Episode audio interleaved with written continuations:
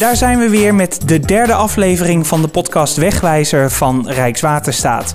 In deze podcast nemen we je één keer per maand mee naar verhalen rondom de snelweg en we vertellen wat Rijkswaterstaat daar doet. Mijn naam is Jeffrey. En ik ben Iskander. Ja, en in deze podcast uh, gaan we het hebben over spitsstroken. En dat komt eigenlijk door een van onze volgers op Twitter. Dat klopt. Via Twitter krijgen we regelmatig de vraag binnen van joh, waarom is een spitsstrook open en waarom is een spitsstrook dicht? Zo ook deze twitteraar, die schrijft ons van joh, ik rijd nu op de A9, of nou ik heb op de A9 gereden, maar de spitsstrook was open terwijl het vrij rustig was op de weg. Ja, en zo zien we hem ook wel eens andersom binnenkomen. Van joh, het is best wel druk al op de weg. Maar Rijkswaterstaat, waarom is de spitsstrook nog dicht? Nou, en daar gaan we naar kijken in deze aflevering door middel van drie van onze collega's. We gaan langs een gedragsdeskundige, een wegverkeersleider. Maar allereerst gaan we langs een verkeersdeskundige. Om meer te weten te komen over spitsstroken.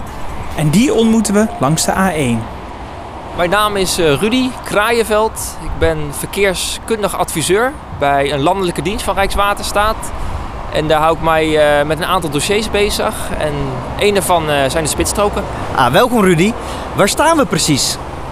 We staan hier uh, op de A1 tussen Hoevelaken en Barneveld. Op een viaduct bij het stationnetje. Met een mooi uitzicht over de spitsstrook. En Rudy, wat is een spitsstrook? Nou, een spitsstrook is eigenlijk een dynamische rijstrook die geopend wordt en soms ook gesloten. Uh, maar die voornamelijk open gaat als het, als het druk is vanwege de verkeersintensiteit. Er zijn ongeveer 35 spitsstroken, redelijk verdeeld over Nederland, maar voornamelijk toch wel bij de, de drukke steden. Randstad heeft er veel, Amsterdam zijn ook heel veel spitsstroken. En bij elkaar is dat iets meer dan 300 kilometer. En welke type spitsstroken zijn er? Nou, zoals de meeste weggebruikers misschien weten, hebben we spitsstroken die aan de rechterkant van de rijbaan liggen. Dan ga je over de vluchtstrook.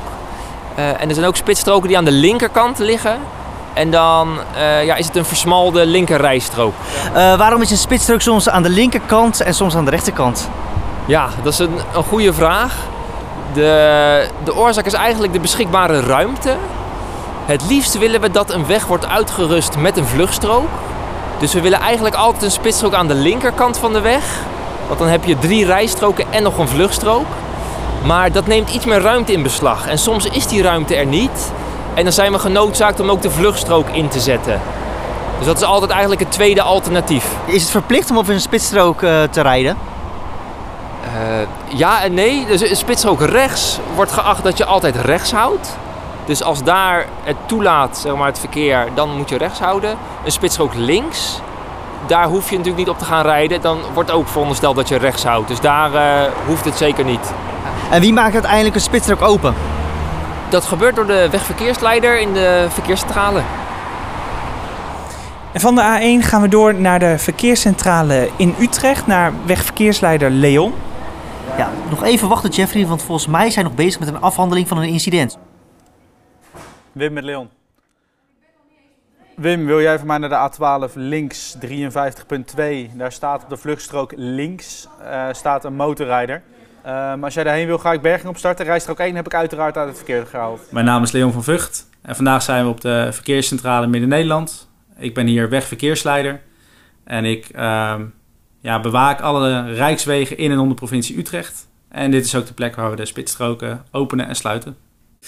Ja, um, op de centrale uh, openen we de spitsstroken dus op drukke momenten.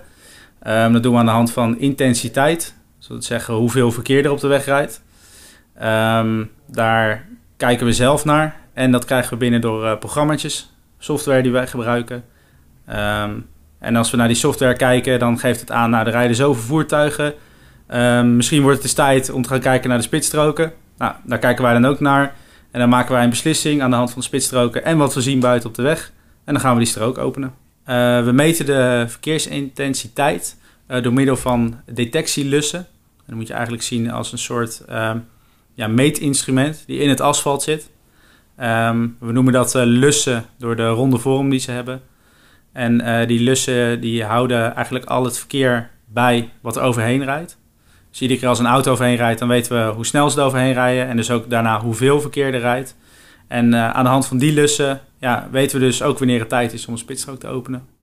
En hoe gaat het in zijn werk? Je hebt besloten om een spitsstrook te openen en hoe, en hoe dan? Uh, nou, ik, uh, de, ik denk, ik ga de strook openen. Dus ik ga voor de weggebruiker een extra rijstrook vrijmaken. dat doe ik dan um, door een programma erbij te pakken die de camera's bestuurt. Um, de spitsstrook die gaan we dan in stukjes openmaken. En wat ik daarmee bedoel is, we doen per stukje gaan we eerst kijken of er wat op ligt. Of dat er niks aan de hand is. Zodat we geen stukje opengooien waar bijvoorbeeld een stuk ijzer op de weg ligt of iets dergelijks. Dus we schouwen een klein stukje met de camera. Met schouwen is dus bekijken we een stukje. En uh, dan openen we dat stukje en dan gaan we door naar het volgende stukje. En zo gaan we door totdat een hele spitsstrook is geopend. Zijn er ook redenen om een spitsstrook niet te openen? Uh, ja, er zijn inderdaad een aantal redenen om een spitsstrook niet te openen. Dus dat zijn inderdaad, zoals je noemt, pechgevallen, ongevallen en voorwerpen. Maar ook weersomstandigheden. Uh, extreme weersomstandigheden moeten we dan denken. Dus zware mist, zware sneeuwval. En hoe kun je zien dat een spitsstrook open is? dus je kan het eigenlijk zien dat die open is aan dat het kruisweg is. Dat er een vallende groene pijl boven zit. Uh, waar je het nog meer aan kan zien als je op de weg rijdt, is dat er langs de weg staan borden. Dat noemen wij kantenwalsborden. die hebben meerdere kanten om te laten zien. Nou, daarmee geven wij ook aan aan de weggebruiker um, of ze op die rijstrook mogen rijden of niet. Hè? Of die dicht is of dat die open is. En hoe hard ze mogen rijden. Dus daar kan je het ook nog aan zien. Nadat we de vraag krijgen van joh, waarom zijn spitsstroken open en waarom zijn spitsstroken soms dicht, krijgen we ook wel eens de vraag van waarom maakt een weggebruiker geen gebruik van een spitsstrook terwijl die wel open is? Ja, en daar hebben we bij Rijkswaterstaat onder andere gedragsdeskundigen voor.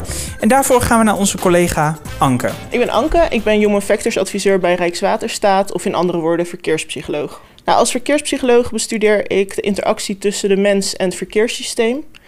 Uh, en dan kan je denken aan uh, de inrichting van de wegen en het ontwerp van de wegen. En daar zijn de spitsstroken een onderdeel van. Waarom maakt een weggebruiker soms geen gebruik van een spitsstrook terwijl deze wel open is? Um, een, een doorgetrokken streep is een onbewuste barrière. Daarom heeft de doorgetrokken streep over het algemeen de functie dat je er niet overheen mag rijden. Maar bij een open spitsstrook is dat niet het geval. Dan mogen weggebruikers daar wel overheen rijden. Maar dat voelt voor sommige weggebruikers nogal onwennig, niet helemaal natuurlijk.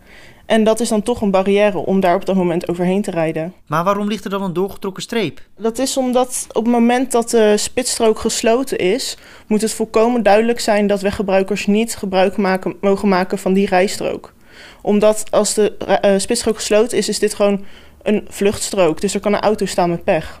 Nou, je hebt het al even benoemd. Een doorgetrokken streep kan men als uh, ja, onprettig ervaren om daar overheen te gaan op een spitsstrook. Maar zijn er ook andere redenen?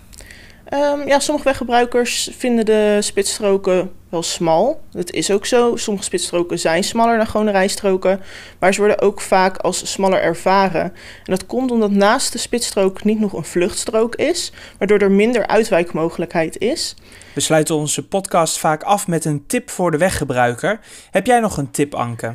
Um, ja, wat ik graag wil meegeven is dat op het moment dat de spitsstrook open is, de uh, gewone regels voor een gewone rijstrook gelden. En je mag over de doorgetrokken streep. En dat betekent dus ook, als jij eenmaal op die spitsstrook rijdt, dat jij er ook weer af mag. Um, en daarnaast, als je eenmaal uh, eens op een spitsstrook hebt gereden, dan word je er wat meer mee op je gemak. En dan doe je het de volgende keer ook weer makkelijker. En dat is voor iedereen beter, dan zijn er minder files. En ook jij komt al sneller op je bestemming. We zijn bijna aan het einde van deze podcast over spitsstroken. Maar ik kom toch nog even terug op de vraag van een twitteraar aan het begin van deze uitzending. Van waarom de spitsstrook op de A9 open was, terwijl het vrij rustig was volgens hem op de weg. Nou, de twitteraar kon net op een locatie rijden dat het wat rustiger was om hem heen. Maar dat het op het gehele traject nog steeds druk genoeg was om de spitsstrook open te houden. Want de verkeersdrukte wordt namelijk gemeten door de lussen in het wegdek, zoals je eerder hoorde. Nou, door beantwoorden van deze vragen zijn we ook aan het einde gekomen van de derde aflevering van de podcast Wegwijzer. En we hopen dat je een stukje wijzer de weg op gaat. Ja, heb jij een vraag over spitsstroken of een ander onderwerp over het verkeer? Bel dan 0800 8002 of stuur een tweet naar ons at Verkeersinfo. En doe dat natuurlijk wel op een veilige plek, dus niet tijdens het rijden.